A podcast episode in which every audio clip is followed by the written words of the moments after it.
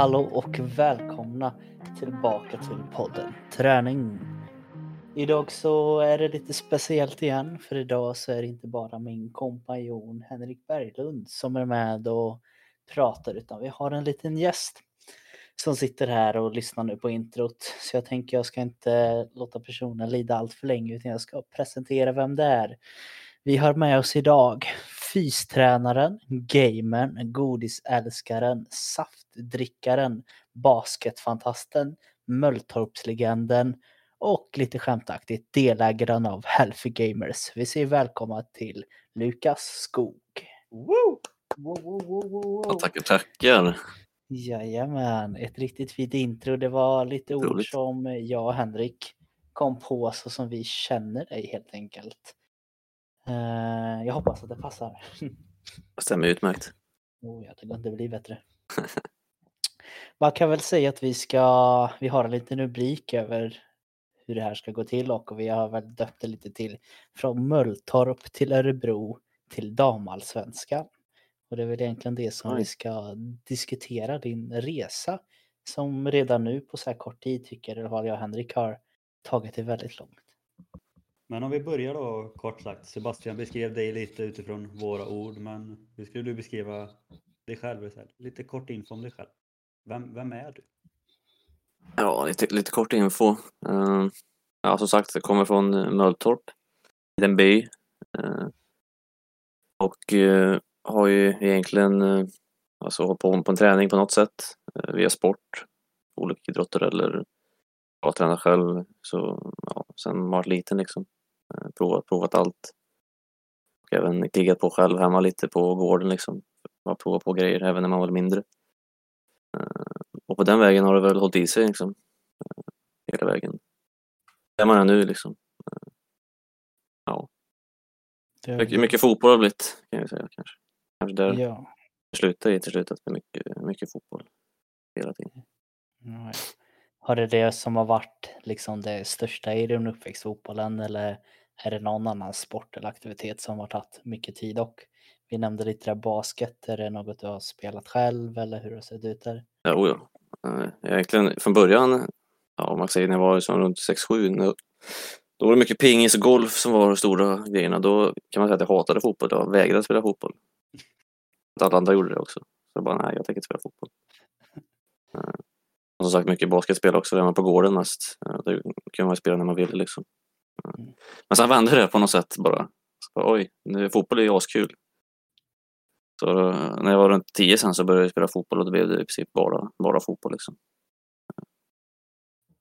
Så ja, men eh, provat mycket men till slut blev det fotboll som. Och så basketen som säger har, har hållit i liksom på, på en mer hobbynivå. Bara spelat eh, gården liksom. Ja. För att, för att jag tycker det är riktigt kul också. Det är kul. Vi har ju spelat lite basket alla tre tillsammans så det är en kul sport alltså. Ja, det, det, man kan aldrig bli för, mycket basket på en dag. Så. Nej, men om vi ska gå in lite på, för vi lärde känna varandra på gymnasiet när vi gick barn och fritid ihop, eh, fritid och hälsa där. Hur kommer det sig att du valde just barn och fritid? För du fick ju även pendla en bit till just Skövde och barn och fritid. Men hur kommer det sig att du valde just barn och fritid? Eller vad var det som gjorde att du kände att det här vill jag läsa? Ja, det som lockade var ju i grunden där med den inriktningen som vi hade med fritid och hälsa. Att man, eh, man liksom fick läsa lite mer om just själva träningsbiten och alla de grejerna. Och sen att vi blev lovade PTS, vilket kanske inte blev direkt efter, men vi, vi fick i alla fall lite kött på benen.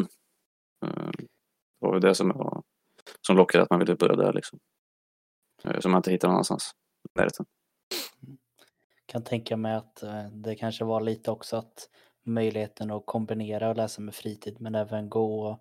Vi har ju ett program eller vad man ska säga här i Skövde som heter NIU, nationell idrottsutbildning där man kan kombinera sin sport då, på en satsa mot elitnivå kan man väl ändå så säga för intagningar och sånt.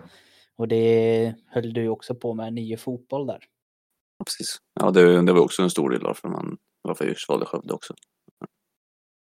Så den kombon eh, lät ju väldigt bra. Så då körde man den.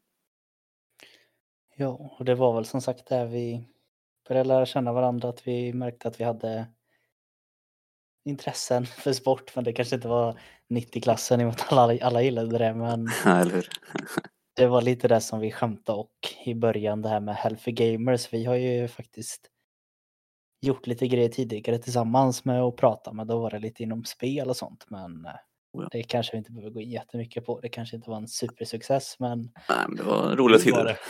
Ja, eller hur? Roliga kul tider. var det. Det var det faktiskt. Vi det Men- fall. Det gjorde vi verkligen nu. Mm. Men om man säger så här, BF var ju ändå så kanske en start då, för efter det så gick du ju vidare och började plugga, en av de få faktiskt i klassen som läste vidare och då började du plugga i Örebro.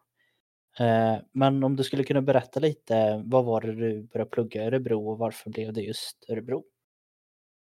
Alltså själva, så jag började på program som heter Tränarprogrammet heter det då. Eh, det är väl ändå lite likt de här olika idrottsvetenskap-programmen som finns också liksom. Man läser mycket, ja, man får en jättebred grund liksom i allt som har med fysisk aktivitet och träning att göra med anatomi, fysiologi, liksom träningslära, nutrition Eh, och sådana här bitar och även lite som ledarskap och pedagogik. Eh, för att liksom just jobba mot tränaryrket. Eh, Sen som, som jag gillar ändå med utbildningen också, att man kunde i alla fall lite eh, vissa olika uppgifter man hade att välja liksom vart man ville lägga sitt fokus på, vilket i mitt fall ofta blir just mot, mot fotboll och alltså just hur man ska optimera prestation liksom i, i fotboll, vilket eh, har gjort att man även ska kunna, kunna välja själv lite vägar för att kunna ja, skapa mer kunskap inom just de ämnena som man själv brinner för. Eh, så det, den, eh, det tycker jag har varit eh, väldigt bra. Det var ju tre, tre år då. Varför just spela Örebro? Det var också för att det var, det är inte så jättelångt från Örebro till Karlsborg där jag bodde, ja, Möltorp Karlsborg där jag bodde innan då. Det tar bara ungefär en timme att åka. Att, eh, att det finns, finns även liksom att det finns elitfotboll här i staden lockar också lite att man ville, ville komma hit. Mm. Mm, Så ja, på, på den vägen var det väl att jag började plugga här. Sen har jag väl alltid visst redan på gymnasiet att jag ville plugga något, något av det här inom det här ämnet liksom. Vilket var väldigt skönt att veta vad man göra liksom. Inte alla som vet det. Eh, Då kunde man ju börja kolla lite vad man, det fanns lite i olika städer också. Jag vet ju, som Henke i Karlstad eller i Falun finns det också en utbildning som är liknande liksom. Göteborg och allt möjligt.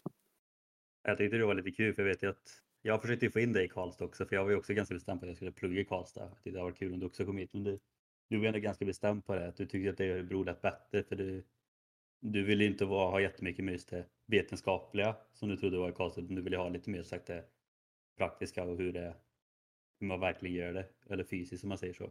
Mm. Men sen när vi ändå pratat lite när vi har spelat sånt så har det nästan låtit som att ni har nästan haft mer vetenskapligt i vissa ämnen ändå. Ja. Så att, eh, Ja, jo precis. Eh, det, ja, det är svårt, man vet liksom inte alltid vad, vad man får. Och sen blev det corona också efter det ja, sista år, ett och ett halvt åren. Så det, det pajade ju mycket på aktieägarna liksom, som vi skulle haft. Men eh, ja, det var ändå, det har varit en bra blandning av, av teori och praktik liksom. Men, men det som jag kanske gjorde som var kanske viktigast var att jag ganska tidigt började liksom hitta något sorts lag och bara få applicera det man liksom pluggar eller läser om. Liksom. Man får jobba lite praktiskt själv på, ut på fältet. Liksom. Det tror jag var absolut viktigaste för min utveckling liksom, när jag kom hit. Ja, för nästa fråga som vi har är just det, liksom, hur du kom in på just fystränare. Var det via praktiken eller var det sagt att du var inställd på det direkt när du pluggade i Örebro att fystränare jag ska bli och då gav du ut i någon förening eller hur? Hur kom du in på just rollen som fystränare? Mm, så jag, jag är, ju, mitt mål har egentligen varit att jag vill liksom jobba med, jag vill liksom jobba med elit, elitidrottare. Vill jag, med elitidrottare. Eh, så man fick ju, sen fick man tidigt också på själva utbildningen var bland de första grejerna när det kom lite olika föreläsare utifrån så att, eh, att en viktig del i själva branschen är just kontakter liksom. Att uh, skapa kontakter och ett nätverk liksom. Um, Och det, det appen vi har hyfsat på i alla fall. Jag, så när man såg lite så här an- olika annonser kanske eller eh, på Facebook så här att ja, men söker tränare och så vidare så då nappade jag på det i början liksom på uh, det första var på ÖSK, ÖSK ungdom som fotbollstränare. Uh, jag bara sökte en tränare då. Då hade jag precis börjat, det hade gått inte ens en termin och så och skrev lite där, sa att jag var sugen och så fick jag komma dit. Eh, och då kan jag direkt liksom börja applicera det här som de hade fått lära mig på skolan. Eh, och se hur det funkar i praktiken liksom lite mer också. Eh, vilket har varit väldigt, väldigt nyttigt. Och sen därifrån så var det, det var en till annons liksom i själva sidan på Facebook kan man väl säga. Där det kom ut en, de letade efter någon eh, som gick på tränarprogrammet. Ja, Okej, okay, det, det, gjorde jag så då kunde jag läsa vidare liksom. Och sen eh, att de sökte någon eh, till just KIF Örebros, ja, till damlaget där som deras dåvarande fystränare sökte som en lärling kan man säga. Och det lät ju asgrymt så den nappade jag på och skrev, skrev till han. Så fick jag komma dit, bjöd på lunch och sen eh, ja, på den vägen är det väl egentligen. Då fick jag börja vara med deras ungdomslag och så nu har det gått framåt sedan dess. Ja, men det kan man ju säga att det har. Det gick eh, väldigt snabbt där. Det kändes som ett tag att det kom ut nya artiklar nästan i tidningar om det hela tiden. Att eh, Lukas gör det här och Lukas kommer vidare dit och sen Lukas blir fystränare, Lukas får förlängt. Det, det skilde väldigt mycket där men något som jag tror att både många av våra lyssnare undrar men även jag och Henrik det är ju lite mer att vad gör du som en fystränare? Har du liksom bara hand om olika pass eller har du hand om mer grejer runt? Jag tänker du kanske kan förklara lite just hur, hur en dag som en fystränare kan se ut för dig. Mm, absolut, absolut. Så för det första, jag är med på i princip varenda fotbollsträning liksom. Eh, och plus den här fotbollsträningen så har vi, har vi nu ett, ett gympass, ett gympass liksom på gym i veckan. Och alltså mitt största uppdrag är egentligen att först ta hand om alla liksom, allt med det fysiska, se till så att spelarna är, liksom är, redo för match och att de är redo att prestera på match liksom, fysiskt. Eh, och då har ju som sagt, sköter gym, gym gympass, eh, sköter alla förberedelseträningar, förberedelseaktivering kan man säga på alla fotbollsträningar. Eh, sen såklart i samråd med övriga tränare eh, som snackar ihop oss när vi ska lägga in kanske lite mer speed, lite snabbhetsträning, lägga in när vi ska ha lite mer tuffare konditionsträning eh, och så vidare. Eh, även efter match, alltså hur vi tar hand om återhämtningen. Eh, och vi har dagen efter match, två dagar efter match och så vidare. Eh, för att, som sagt igen, göra spelarna redo och prestera nästa match. Liksom. Det är väl det det handlar om egentligen. Hänger det i, jag har ju sett lite vad det gör, men hänger det även... Jag har sett att det gått någon form av vad ska man säga det, det heter väl fascias korrigering eller fascias massage där med mm, ja, träningen. Eh, är det någonting som du använder på spelarna dock? Ja, precis. Jag har ju gått en sån här någon fascia behandling eh, för att ja, bindvävsbehandling, jag vet inte vad man kanske vill kalla det, men mm. Eh, som fungerar som liksom lite massage för att mjuka ut kroppen och försöka ta bort lite smärtor och så vidare. Men jag har jobbat lite, lite med det, men sen har vi en, en massör också i laget som, mm. ja, som sköter det där för det mesta. Så jag har inte behövt göra så mycket sånt. Eh, eh, men det kan vi gå in lite mer i återhämtningen liksom. Men eh, det är, det är inte riktigt mitt bord, vilket är ganska skönt också. det blir ju lite annat. det är, ja. Jag har ju ändå så läst alla tre ren massage där, alltså det är ganska tungt. Hålla ja, på och blir... massera mm. och sen massera ett helt lag. det är... Ja, nej, det, jag, jag, vet inte om jag hade klarat min kropp. För dålig, mm. för dålig teknik för, för teknik för att göra det. Eh, så nej. Men det, det blev liksom det och så framförallt liksom under försäsong och även under uppehåll och efter säsong liksom att hjälpa till med träningsprogram för spelarna så de så de kan utvecklas och även bli redo för nästa säsong och även bara, eller bara bibehålla det de, det de har redan. Liksom.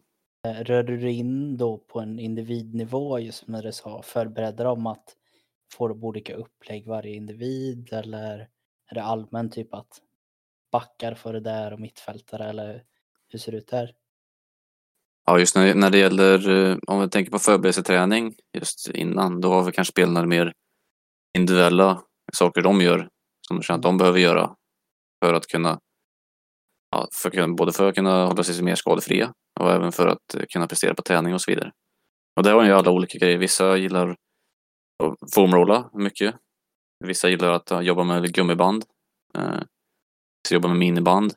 Eh, och lite specifika övningar som efter, efter de behöver liksom. Eh, Det gäller just framförallt kanske konditionsträningen. Det kanske är där mer man går in på mer positionsspecifika grejer. Mm. Eftersom att man vet att om man är en ytterback, yttermittfältare, de springer mer än vad en mittback gör under en match. Då kanske inte mittbacken behöver träna just lika mycket som löpning och kanske yttermittfältaren måste träna mer löpning för att kunna, som, som man säger, klara av matchkravet som det ställer på den positionen. Liksom. Där får man ju tänka till lite just eh, de bitarna när man både, både när man har rena konditionsövningar och även när man lägger in själva konditionsdelen i spelet. Liksom. Vilket är kanske det man gärna vill sträva efter. Eh, så Det är ju det är mycket mer än bara som sagt att gå in på gymmet och köra ett pass. Det är ju, en fystränare gör ju jäkligt mycket.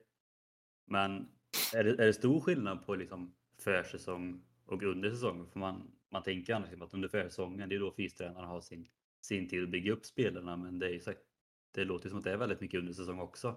Är det stor skillnad eller är det ganska jämnt i arbetstider om man säger från försäsong och undersäsong? Ja, det är väl ändå lite skillnad måste man ju säga att det är. Eh, både på rent styrketräningsmässigt på, på gym och även kanske konditionsträning liksom. För sen när vi kommer in i säsong då handlar det bara om att göra spelarna redo för att spela match, nästa match liksom.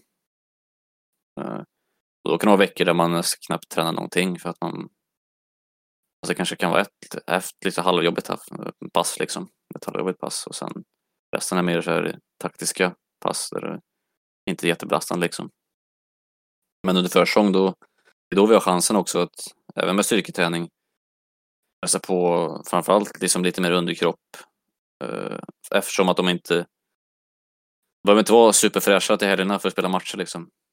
Det är inte det som är kanske hu- huvudfokus då eftersom då, då är fokus på att kunna bygga vissa kvaliteter som vi inte kan göra under säsong eftersom då måste vi bara försöka hålla spelarna fräscha eh, och underhålla det vi, vi har liksom framför allt.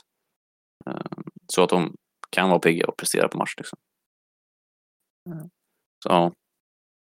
Det, ser- det är väl lite skillnad överlag eh, med försäsong och, och även kanske på hur mycket jag hur mycket jag behöver agera också på träningar.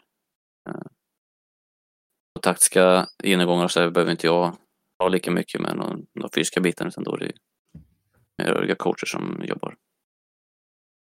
Är det som är fördelen med att vara många olika coacher? Ja, ja det är bra.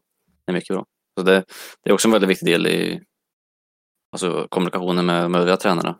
Eh, Eftersom som sagt, som tidigare, man vill gärna man kan lägga in liksom lite exempelvis konditionsträning mer i spelform. Eh, Eftersom då får man mer andra bitar plus kondition. Liksom. Man vill slå ihop det lite eftersom man inte har all tid i världen kanske på att göra allt man vill. Eh, Då är det också en väldigt viktig del i insatt i hur träningen ser ut och hur man kan hjälpa till för att uh, optimera de bitarna. Liksom. Mm. Så kommunikation där är jätteviktigt. Om vi går vidare på lite nästa fråga eller nästa del. Det här är en fråga som vi brukar ställa till våra gäster och det är kanske en liten svår fråga men vad är liksom din filosofi som fystränare eller tränare överlag? Ja, det där är... Det är det är, som sagt en svår fråga, men äh, man har ju alltid så här... Man hittar något nytt så vill man alltid sugen på att ah, det här måste jag prova. Så hittar man massa, massa så roliga grejer liksom. Men eh, något som jag verkligen gillar att... Första ska man försöka, man ska försöka göra så roligt som möjligt allting, tycker jag. Det, det kanske det jag försöker ja, lägga in lite mest för att hitta lite roliga moment i det mesta. Även om det inte alltid är så kul så kan man försöka försöka se till så att det kan bli roligare kanske i alla fall. På vissa sätt. Eh, och sen just när det gäller eh, när det gäller just hur man, hur man ska träna och så vidare så har vi lite så här, kan väl säga principer som man kanske som man gillar att hålla mig efter. Även om jag inte alltid hugget i sten hela tiden. Och det är väl mer att jag brukar tänka att man ska utgå ifrån, utgå från rörelse mer och inte utgå från muskler. muskler liksom. Och kan man utgå från rörelse så får man ofta med de musklerna som, som du liksom behöver. Och utgår från muskler så kan du gärna missa rörelser. Uh, exempelvis en sittande liksom, benspark. Du, du sitter liksom ner, du använder bara din framsida muskler i en sittande position. Eh, det, det, gör man inte, det gör man sällan. Eh, när man i alla fall är på fotbollsplanen eller någon typ av sport. Eh, exempelvis. vilket även glider in på min andra lilla princip som är till att göra saker först ståendes och även liksom att man gör det på exempelvis ett ben, ett, en arm åt gången. Eh, då tycker jag det blir lite mer åt det här eh, idrottsspecifika eftersom det, flesta, det mesta du gör när du springer, hoppar och skjuter allt möjligt det, det sker på ett ben. Och då gäller det att kunna klara av olika krafter med, på ett ben liksom. Eh, och även att man, jag gillar verkligen att ha mycket variationer när man gör. Både för att, som jag var inne på i början, det ska bli roligare. Det är skittråkigt att göra samma saker vecka ut, vecka in. Ehm, utan att ha, ha mycket variation, även för att få liksom olika belastningar. Du ska göra det med olika hastigheter, olika vinklar. För att bli sån allround som atlet som möjligt. Och även för att kunna bygga, bygga liksom tålighet i din vävnad i olika positioner också. Ehm, så det kanske, kanske främst, kanske främst är jag tycker. Sen, sen såklart är det inte hugget sten som säger. Man kör ju mycket, kan ju köra mycket isolerat också liksom. Mm. Just i prestationssyn så tycker jag att det här är det som jag tänker på i alla fall. När jag gör program och så vidare. Träningar. Det jag tänkte säga där var att just det här med mycket vinklar och sånt. Det, det, det hör ihop med det i alla fall det kopplar jag ju direkt till den här formen av 3D-träningen eh, som det har gått. Och för de som inte riktigt vet vad 3D-träning är, det är väl grund och botten så är det det här att man ska jobba i olika vinklar. Som ett exempel är att istället för att göra en vanlig knäböj så kan man göra en knäböj där man placerar en fot på olika positioner hela tiden, vilket gör att man ska då det, det är ett träningsform som är mer framtagen för atleter skulle jag vilja egentligen säga. Kände du att du fick just den här synen ifrån de utbildningarna? Nu vet jag inte om vilken du gick eller vad det var för något där. Eller känner du att det är något som du har tänkt på tidigare? Nej, verkligen. Alltså det förklarar väldigt bra på den här utbildningen. Det hette ju då de här AO Performance i, med Andreas Högren. Han har ju jättebra utbildningar. Mm. Superbra. Och där fick man väl ännu eh, öppna ju, eller vidga ju som vyerna där tycker jag väldigt, väldigt bra. Att det, det är ganska logiskt ändå när man, när man tänker på det. Eh, tycker jag i alla fall, när det handlar om prestation. Liksom. Att, eh, ja, du, du kan ju hamna i vilka positioner som helst ute på planen, men ska du bara stå och göra en liksom, squat i eh, helt liksom raka vinklar på allting liksom, då, ja, då blir du ju stark i den positionen liksom. Men hur, hur ofta är det en sån position liksom, när du ska spela fotboll eller basket eller vad som helst? Det är ju inte jätteofta egentligen. Sen behöver inte det vara en dålig övning, men Eh, att bara göra det kanske begränsar det på ett sätt. Det är lite som vi har pratat om tidigare också, just många framförallt här, som går en helgkurs PT-aktigt och sen gör, lägger ut scheman. Vill du bli bra på det här så gör det här och gör du de här övningarna så kommer du bli jättestark och allting. Men det är som du säger, det beror helt på vad man är. Alltså vad man gör och vad man är ute efter. Sagt, är man fotbollsspelare eller man håller på med någon annan idrott så är det inte säkert att de klassiska gymövningarna är de optimala utan det finns ju optimala övningar alltså, beroende på vad man håller på med. Så att det är ju väldigt svårt att säga att om man gör det här så kommer det bli perfekt. För det är som du säger att hur ofta gör man då egentligen de rörelserna under fotbollsmatch? Det finns ju så, så väldigt mycket liksom övningar. Eh, det, det, som är, det som är svåra är ju det här att hitta just rätt, rätt övning liksom till rätt person. Det, ja, det, Det är Det som man du brottas säger där. Alltså det, med övningar, det är någonting som jag fick höra här fortfarande. Alltså hur, hur, kommer du, hur kommer du på så många övningar? Och det, det är ju verkligen inte det som är problemet. Det är som du nämnde där att när man ser något nytt så blir man ju så himla taggad på att testa det och föra över det liksom rent praktiskt. Man, jag kände när jag var mest inne i det, jag hade nästan för mycket grejer jag ville testa på. Men det är ju verkligen som du säger, det svåra är ju verkligen att hitta att den här övningen kanske är relevant för, om nu i ditt fall är det fotbollsspelare. Sen måste man också ta in individanpassat för det kan vara så att även om rörelsen är optimal eller om man ska kalla det för fotboll så kanske det inte är optimal för den individen eller de här individerna i det laget och det är ju verkligen kunna ha den kunskapen som jag tror ändå så är jag väldigt säker på att du har fått när du har jobbat med att man börjar få ett hum om vad som passar och vad som är bra och dåligt och sen får man även ta med att det kan vara värt ibland att testa lite och bara se hur det känns liksom för, för spelarna i det här fallet om, om det ger den effekt man vill liksom.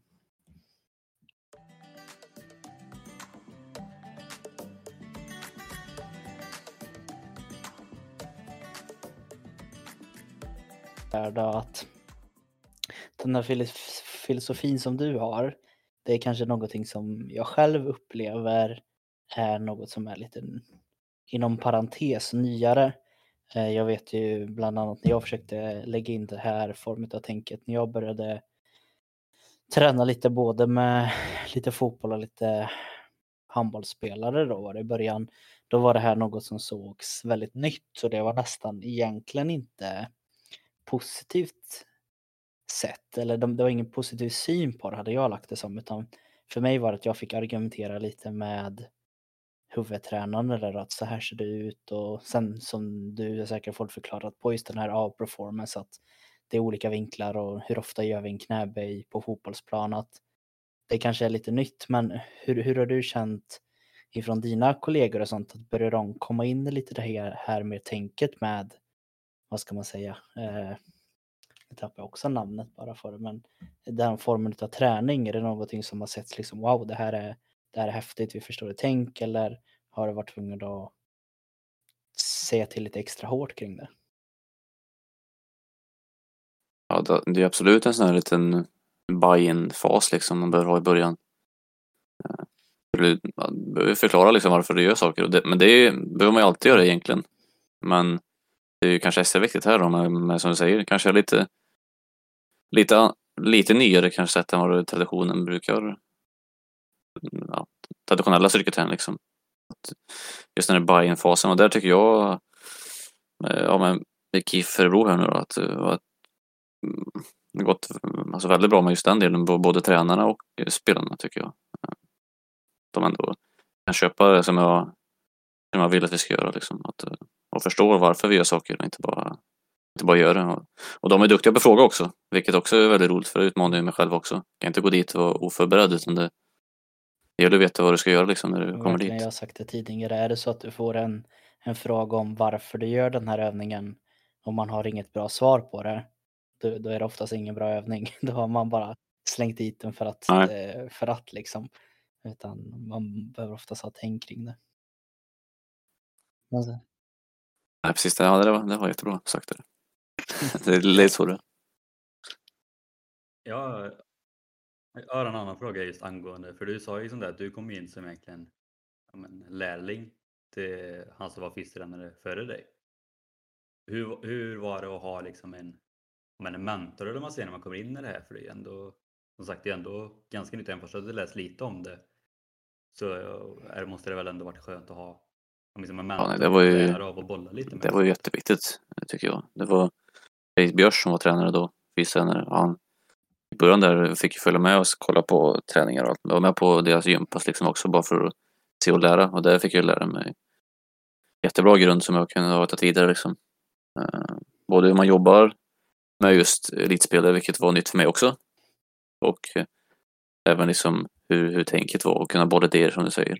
Eh, det, det var ju en jätteviktig tid som jag hade där. Och som jag även fick prova själv eftersom jag hade, fick säga, fystränaransvaret för deras F19-lag då. Så jag kunde ju försöka applicera det sen på, på, på deras träningar. Och, och vilket, eh, ja, utvecklade mig väldigt mycket. Om man tänker nu ut det här ändå så relativt korta som vi pratat, det är, det är nog så mycket som du har läst och förstått och fått förståelse just kring eh, träning och hälsa överlag är det ju. Men är det något sånt här, något utav det du har läst, antingen i form av utbildningen där du är bro eller någon kurs som du har gått, som har varit ett sånt här riktigt liksom aha eller häftigt uppvaknande som du tycker att ja, det här borde lite mer folk faktiskt också ha en förståelse över? En grej som jag verkligen lärde mig på när jag gick på den här fasciabehandlingen, det var också A-performance. Det var, som har använt väldigt mycket nu alltså i, i ja, fotbolls, fotbollslaget. Eh, att, eh, hur man behandlar en, eh, en akut eh, ankelskada. Eh, där det traditionella är liksom, ja, fort, linda hårt, högläge, rör inte, rör inte benet någonting här utan bara håll det här. Eh, vilket man, de flesta har gjort hela tiden och det har varit så jättelänge. Men när det han lärde mig där då att man kan använda sådana här flossband som är som ett eh, långt eh, gummiband kan man väl säga. Litet. Eh, och där man ska i princip direkt efter ja, när stukningen sker då, att du ska belasta det fort, så fort som möjligt. Lägga belastning på det.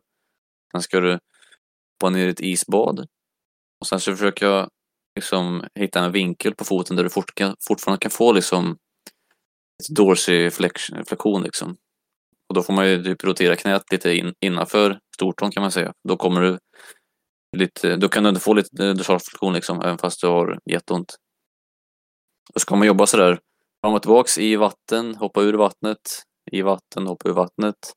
Och även jobba med det där flossbandet, att du snurrar på det så hårt som möjligt. Och sen jobbar så i vatten utan, vatt, eh, utanför vattnet eh, i ungefär typ 20 minuter. För, alltså bara gör samma övning i 20 minuter i princip. Eh, och sen sen kan du ta bort det där bandet och ja, försöka belasta så mycket som möjligt. Eh, och det provar jag det. Eh, här, och det, det blev ju en succé direkt. Riktigt med succé. Då var jag ju tillbaka i full träning efter typ två Mm. dagar. Eh, Istället för att, Gjorde du det, alltså, gjorde du det direkt efter stukningen? Ja. När det hände? precis, direkt, så fort som möjligt. Det var ju alltså, det ja men liksom det, två dagar kan man träna fullt liksom. Med lite tejp kanske såklart men det brukar ju vara borta, kan vara borta en vecka, nästan en halv vecka annars. Eh, Så, det, det, den, har- så den är varje gång jag kör den där hela tiden. Och spelarna har ju lärt sig det också hur man ska göra typ efter om du, om du stryker själva. Eh, Och den, den har ju verkligen funkat hur bra som helst. För det blir en del stukningar på fotbollsplanen. Så Det kan man säga. den har haft, den har haft nytta av. Den har haft nytta av. Det var, det var häftigt. Eh, sen, Jag vet inte om nej, jag, jag, fatt, jag fattar vad tänkte menar men det, se om jag ja. kunde förklara det på något sätt. Alltså det, det, Ja. För jag som, som har läst liknande så förstår jag tanken bakom varför man gör det. Men du får rätta mig om fel om jag försöker förklara det nu. Att både form av flossband och isbad hjälper till med eh, blodflöde kan man säga. Eller lokalt blodflöde. Eller vad man ska, Mm. Om man ska förklara enkelt, vilket borde vara när man lägger ihop de här två komponenterna så blir det väl egentligen att man försöker få, få, få igång blodflödet kring, ja, för det är ju en, det är en stukning eller ja, det är det, har skett en skada, Mm. vilket borde göra att det snabbare försvinner bort från en punkt. Eller jag vet inte riktigt hur jag ska förklara det på ett lätt sätt. Eller Mm. är det det som är tanken? Nej men det är så. Mm. Mm. Ja precis, ja, det, är- det är det är. Och sen just med is, isbadet. Eh, förklarar han väldigt bra att ja, men det, om du lägger liksom som ispåsar på, då blir det så väldigt lokalt. Då typ dödar liksom allting som är där liksom. Ja, om du kan mer ha det i vatten, lite med isvatten som blir bara runt hela foten liksom upp till, upp till fotleden så eh, blir det inte lika lokalt. Eh, det dödar liksom inte allt som är nära skadan. Och även att när du sen hoppar ur bandet så skickar kroppen värme dit. Och när kroppen skickar värme dit så ska det då läka, läka snabbare också. Liksom. Eh, Så därför, det är därför man också vill jobba i i isvatten och sen hoppar ur isvattnet för att kroppen ska skicka värme. Eh, Så det är lite där. Och sen det som du säger med just blodflöde. Eh, Det är huge.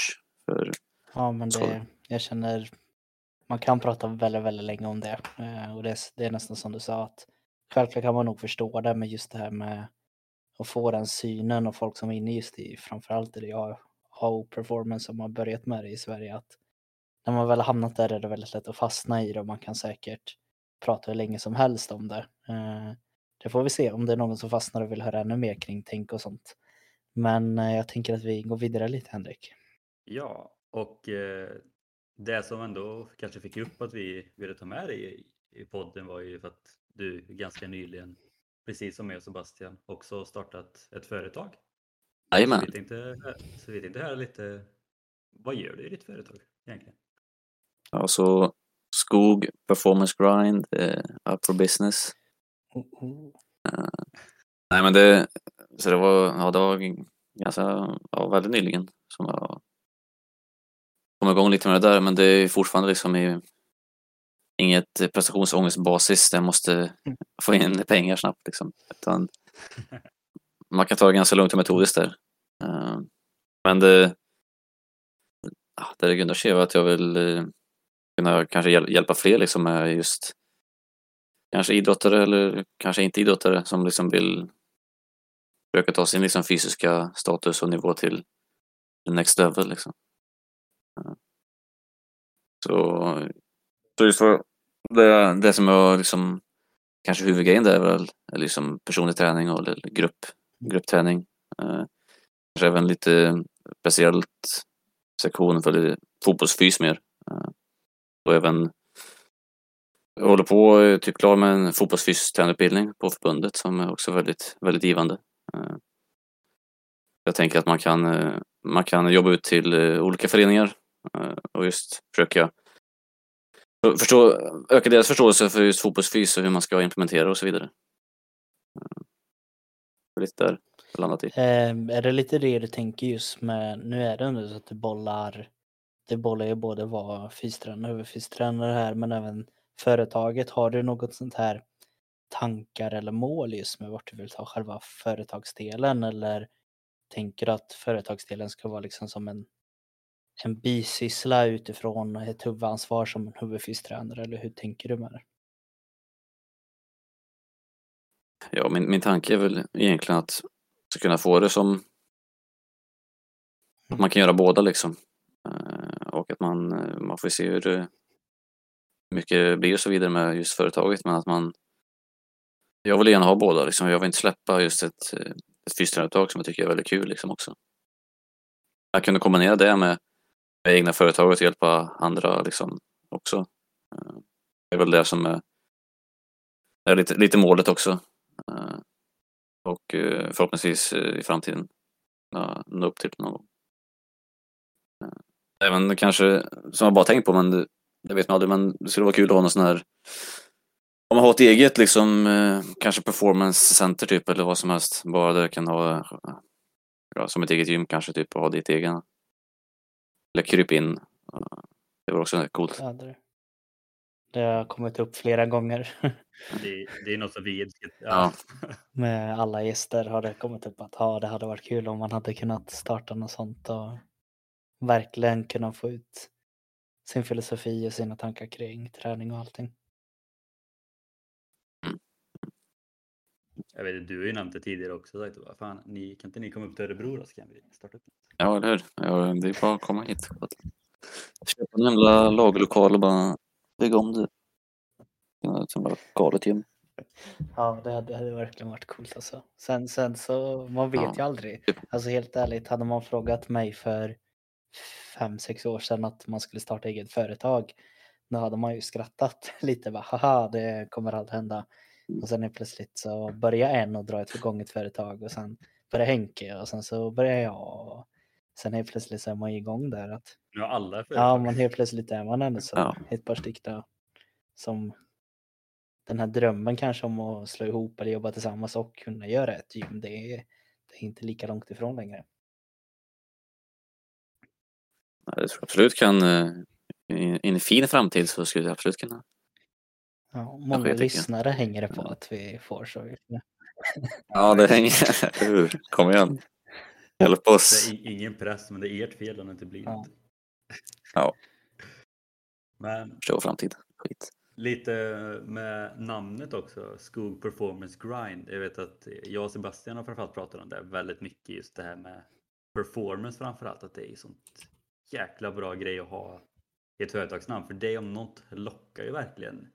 Eller man, ögonen dras ju bara dit, bara för att det står nästan performance. blir man bara oh shit, vad, vad handlar det om? Men, men liksom, hur, hur kom du på namnet Skog Performance Grind och vad står det egentligen? Så, så Skog är ju då mitt efternamn. Så det tänkte jag att det ska vara ganska väsentligt att ändå ha med. Så att ändå associerar lite till mig i alla fall.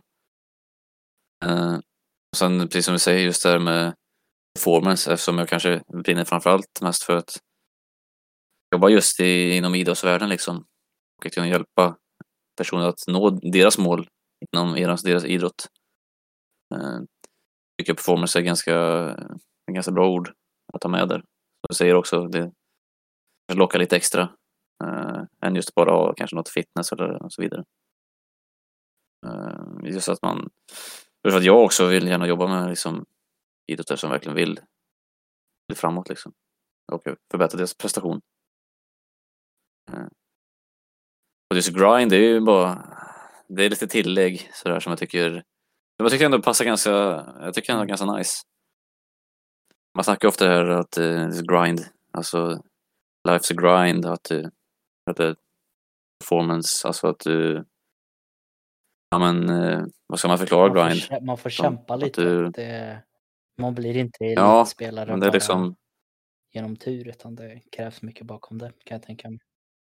Nej, precis. Alltså det är som att du får det, något, du, får det du förtjänar i slutändan. Liksom. Jobbar, du, jobbar du hårt och grindar liksom i morgonen eller sen på kvällen så till slut så betalt för det. Liksom. Du har ju även på din Instagram så jag förut eh, hashtag grind is real. Är, är det ditt citat eller är det någonting du har hittat någon annanstans? Eller är det liksom ditt företagscitat? Nej, så det var också en grej jag följde med grind lite. Det finns ju många fina, fina hashtags man kan ha där.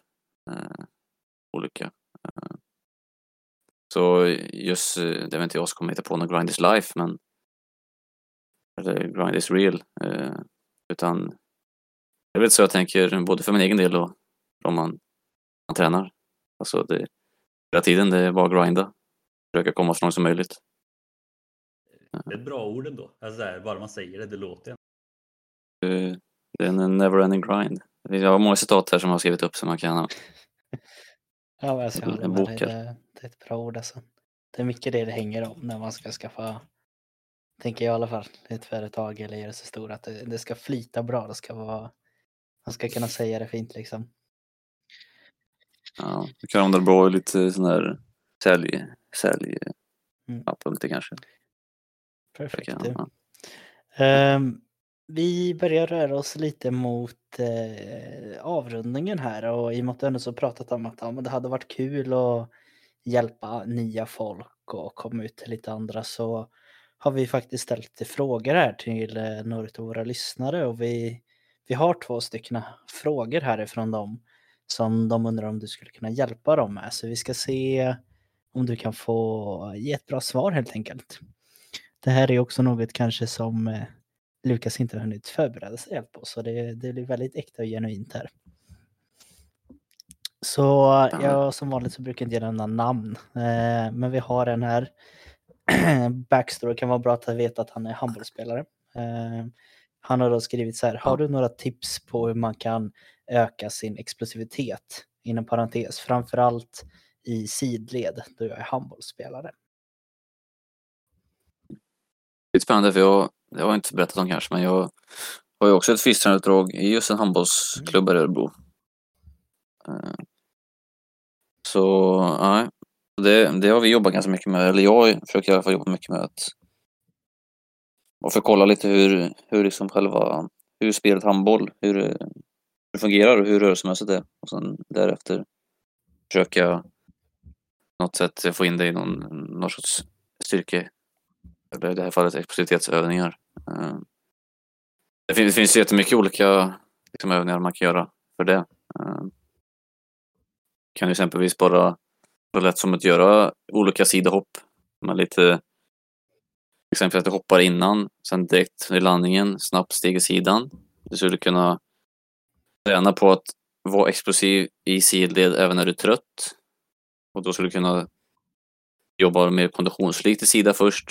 Eh, alternativt att du har ett konditionspass och sen gör explosiva moment för att kunna träna just den förmågan. Eh, vilket jag tror också kan, kan hända mycket som i handboll. Man är inte alltid jättefräsch kanske. Eh, Eh, det, ja, det finns ju massvis med olika övningar du skulle kunna göra för att förbättra just det där. Eh, ja, jag tyckte det var... Men eh, det behöver inte alltid vara så himla, så, som man säger, komplicerat. Att eh, vill du bra på, vill bli snabbare i sidled, träna snabba rörelser i sidled. Liksom. Kanske ett tråkigt, tråkigt svar, men det är, det är lite där det grundar sig egentligen. Jag tycker det, det summerar bra det du har sagt, att man tittar på vad man vill bli bra i. Vill jag bli snabb i sidled, då kanske inte det är den där bensparken explosivt som är det bästa att träna på. Utan nej, nej precis. Det likt. Ja. Men precis, träna de rörelserna du gör. Det ska så vara såklart som du säger, det var explosiva rörelser när du är tränare. Eh, och då är det viktigt att du är ändå fräsch och så du kan prestera på ditt max för att kunna höja ditt max. Liksom. Nästa fråga är ganska likt, eh, vilket kanske är självklart när det är atleter som ställer frågor. I alla fall de två frågorna vi har med här. Eh, den handlar egentligen om spänst. Eh, har du några tips på hur man skulle kunna förbättra sin spänst? Mm, ja. Det handlar lite om samma där, att för att kunna för att kunna förbättra spänst behöver man ju såklart hoppa en del. Eh, och först måste man ju då kanske komma till eh, kanske insikt eller märka hur mycket hoppträning kan jag göra liksom. Eh, vad är din grund för att kunna jag menar om du inte har hoppat jättemycket innan exempelvis, alltså just hoppträning kanske, då sliter jag en del lite. Och då kan det vara ganska stor risk för skada så det gäller att vara lite försiktig här.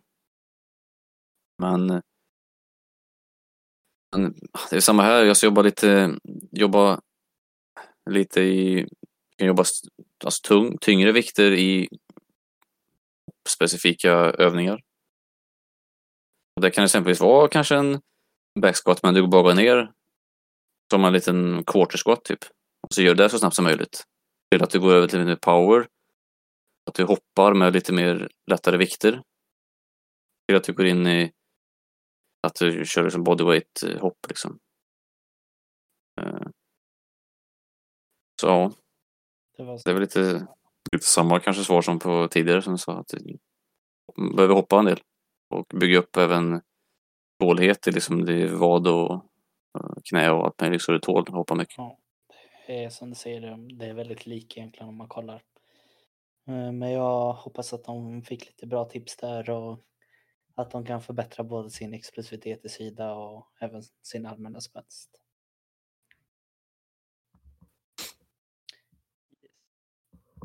Är det dags för eh, ja. lyssnarfavoriten? Eller kanske inte lyssnarfavoriten? Ja, det var länge sedan vi hade den nu, men eh, det är vår, vår favorit vår. Vår favorit. Ja. Sista vi gör för idag. Fem supersnabba men ändå inte så snabba frågor. Eh, det går ju då ut så här. Vi kommer ställa fem frågor och du ska svara så snabbt och kort som möjligt fast ja, ändå inte jättekort. Om vill du utveckla något så får du göra det, men ändå hyfsat kort. Väldigt demokratiskt och svenskt alltså. Ja, jag fattar. Ja. I slutändan gör som du vill ändå. Ja, det, ja, precis. Första frågan. Den blir nog ganska kort. Ändå. Saft eller mjölk? Ja, ja, saft måste jag säga. Inte så. Fråga två. Spela fotboll eller coacha fotboll? I slutet är ju spela fotboll egentligen roligare. Om kroppen hade inte varit en 80-årig gubbe så hade det gått kanske lite bättre. Eh, ändå illa att vi är båda två 23-åringar som båda två typ lagt ner fotbollskarriär för att satsa på coachning. ja, det är inte jättebra. Nej, men det, säger alltså. lite om också kanske hur mycket det hade gjort ifall man i ung ålder hade haft någon som har kunskap av hur man tränar rätt. Alltså. Det, det är många tror jag som känner igen sig att oh, hade inte det där knät gått då hade jag varit nästa Messi. Men det vet man ju inte för man fick kanske inte den optimala träningen. Nej, Nej, precis. Hade det varit i Barcelona annars som inte varit Ja. det där. Men det är som du säger. Jag kan säga, jag, jag kom ju ändå ända fram till Multorp precis som dig så att... Ja, ja, vi är 17. ja. Bygga på där. Eh, Tredje frågan. Den här är väldigt intressant. Vad är en överskattad övning som många tränare gör? Alltså en övning som du tycker att många tränare gör som är ganska överskattad. Ja. Det, det kanske egentligen är liksom en, en vanlig backsquat liksom. Jag, jag själv eh, gör typ aldrig backsquat så jag lägger typ inte in det i något program heller. Jag tycker att eh, Först tycker jag att alltså är det ett riktigt tekniskt moment som kanske inte alla klarar. Jag själv är typ också typ dålig på squats för att kunna göra det. Eh, Och sen liksom den här risk-rewarden. Jag, jag tror absolut det finns andra övningar som har både mindre risk och mer reward.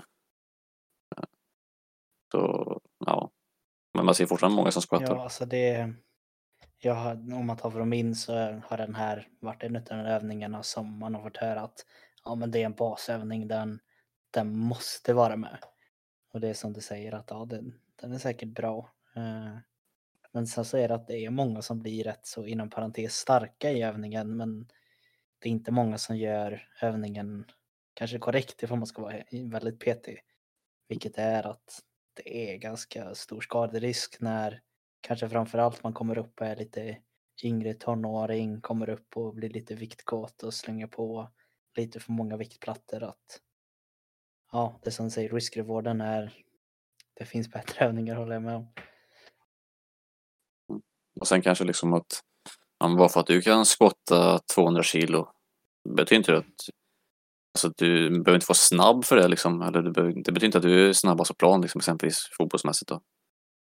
Eh, Utan det är liksom överföringseffekten till kanske just fotboll eller ja, eh, andra sporter också. För om inte du ska bli tyngdlyftare eller en sån där grej då tror jag inte den heller är riktigt eh, ja, då tror jag det finns bättre övningar också. Just det. Backsquat. Väldigt intressant idag för som sagt det är en övning som typ alla gör. Så. att- tycker det blir lite, kanske det blir lite drama här i chatten sen. Hoppas jag. Fråga nummer fyra. Den är också väldigt intressant just för att det, just för att det är du som Mm. svarar. Tre saker som måste finnas i kylen eller skafferiet. Oj. Ja, det trognaste är ju en ett Bobs apelsinsaft. Det är så himla troget. Och sen... Sen kolla vad jag har här. Jag vet inte. eh, sjutton. Eh. Sen är det alltid gött att ha lite... Det måste ju ha någon typ av eh, föda tänker jag. Ja, det är bra. Det är oftast det man brukar ha i kylskafferiet.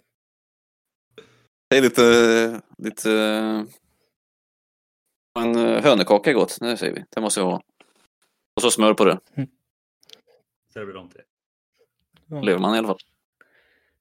Det är det här jag tycker är så jäkla härligt för jag själv har ju fått så jäkla mycket pikar och sånt hemma liksom så här på att "Åh, du som ska bli tränare och allt sånt där och du så själv inte käkar massa grönsaker och så nytt, och nyttig mat och allt sånt där liksom. Och så, och så, ja, för jag vet ju att du och jag fick ju också ganska mycket pikar på gymnasiet att vi typ aldrig käkar Ja. maten där. Så det är så kul att höra liksom nu att Det var ju riktigt illa. Det var- Alltså det var ju jättedåligt. Och sen kommer alltså, det var jag inte som ens har så kul att höra. ja, ja, men, Ja, ja, men det är ju speciellt. ja. Det är du som är speciell, inte jag. Ja, men det är det som är så kul, liksom, för att du och jag är ändå väldigt lika när det kommer till just mat och kost och liknande. Så det är ändå kul liksom, att du ändå kommit till damallsvenskan och fiser den där liksom. Och Bob Saft är prio ett. Där. Ja, det är ju vår, eh, vad heter det, halvtidsdryck. Ja, när, vi, när jag spelade amerikansk fotboll så var det folk som skulle käka cheeseburgare i halvlek så att jag tror inte bovsaft är så. Oh, ja, energi. Energi bara, kvittar vad det är för något. Nej, men det, nej, egna kosten kan ju helt klart förbättras men vet ju vad man ska käka och så vidare men Men så, det är inte alltid man ska vara sugen. vårt, vårt jobb är att se till att alla andra gör rätt. Gör som, gör, Ja, men jag kan, ja precis. I alla fall få dem att förstå, Ja. Förstå lite varför man kan, och vad det kan göra för prestation och så vidare. Eh, Så ja, får de förstå det. Sen, får, sen tvingar man inte dem ett annat heller, utan då får, i slutändan får de välja också. Liksom, vad de käkar. Men det, kan, guidar dem till att okej, det kanske, det kan ske i så fall och så vidare. påverkar dem mer om de börjar äta det dåligt. Då kanske de inte platsar i damallsvenskan längre. Nej, det är väl lite, lite annan standard än för mig själv. Sista frågan. Det är väl lite liknande som den överskattade övningen då, fast tvärtom. Eh, om du, om du bara fick köra en övning för resten av livet, vilken hade du gjort då? Jag hade gjort något eh,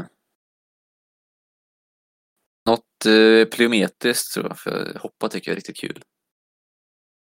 Eh, ja, vad- vad skulle det vara? Kanske en eh, en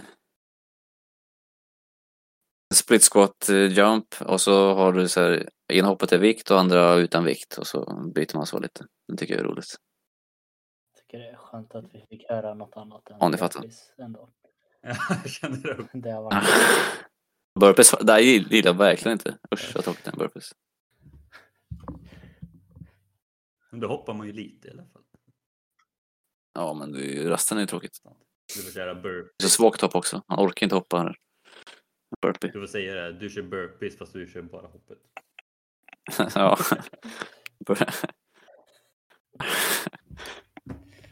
Bra! Jajamän. Eh, Har du något mer du vill tillägga Thomas? nej, jag känner att vi har fått med det vi vi vill egentligen. Det är väl frågan tillbaka till Lukas. Är det något mer som du känner att det här kan vara bra att folk vet om dig? Nej, det vet jag inte riktigt om det... Nej. tror ehm, Kan man hitta dig någonstans om man vill kika på vad du Ja. gör eller ditt företag? Eller? Alltså nu, nu har jag ändå... Jag ska försöka hålla på med lite Instagram här. Jag är så himla kass på såna här jag sociala medier och skit. att du bara hade ändrat profilbild. Ja, eller hur? faktiskt. Nu, det ska jag försöka komma igång med. Och då, då har vi bytt namn här till Skog Performance Grind också. Instagram. Och jag kommer försöka, försöka dela lite olika tips och så vidare där. Är tanken. Ja, jag måste bara förstå hur Instagram funkar först. Men Det det, löser sig.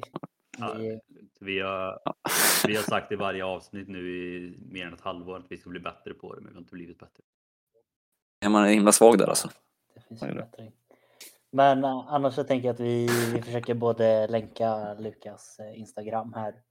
Eh, och det går ju även att skriva direktmeddelanden på Instagram. Hoppas att du vet Lukas om det är någon som eh, vill ha kontakt med dig och kanske ta lite hjälp av dig eller något liknande. Eh, så det är bara att gå in och läsa nere under i beskrivningen helt enkelt. Eh, Annars är det väl som vanligt att vi uppskattar om ni följer våran podd så ni kan få höra sådana här grejer. Och tyckte ni nu att Lukas var jätteduktig och det är något mer som ni fastnar vid, kanske var det stukningen, kanske var det saften, du vill höra något mer. Skriv gärna då så att vi kanske kan ta ett till avsnitt om ni tyckte att det var så bra. Um, Annars så tänker jag egentligen att vi som vanligt, vi tackar för oss, men denna gången så tackar jag också Lukas jättemycket för att han tog sig tiden och faktiskt ville vara med i vår podcast. Jag tackar för att jag fick vara med. Mycket trevligt. Ja, trevligt. Mycket trevligt. Så eh, vi säger väl hej då helt enkelt till er lyssnare.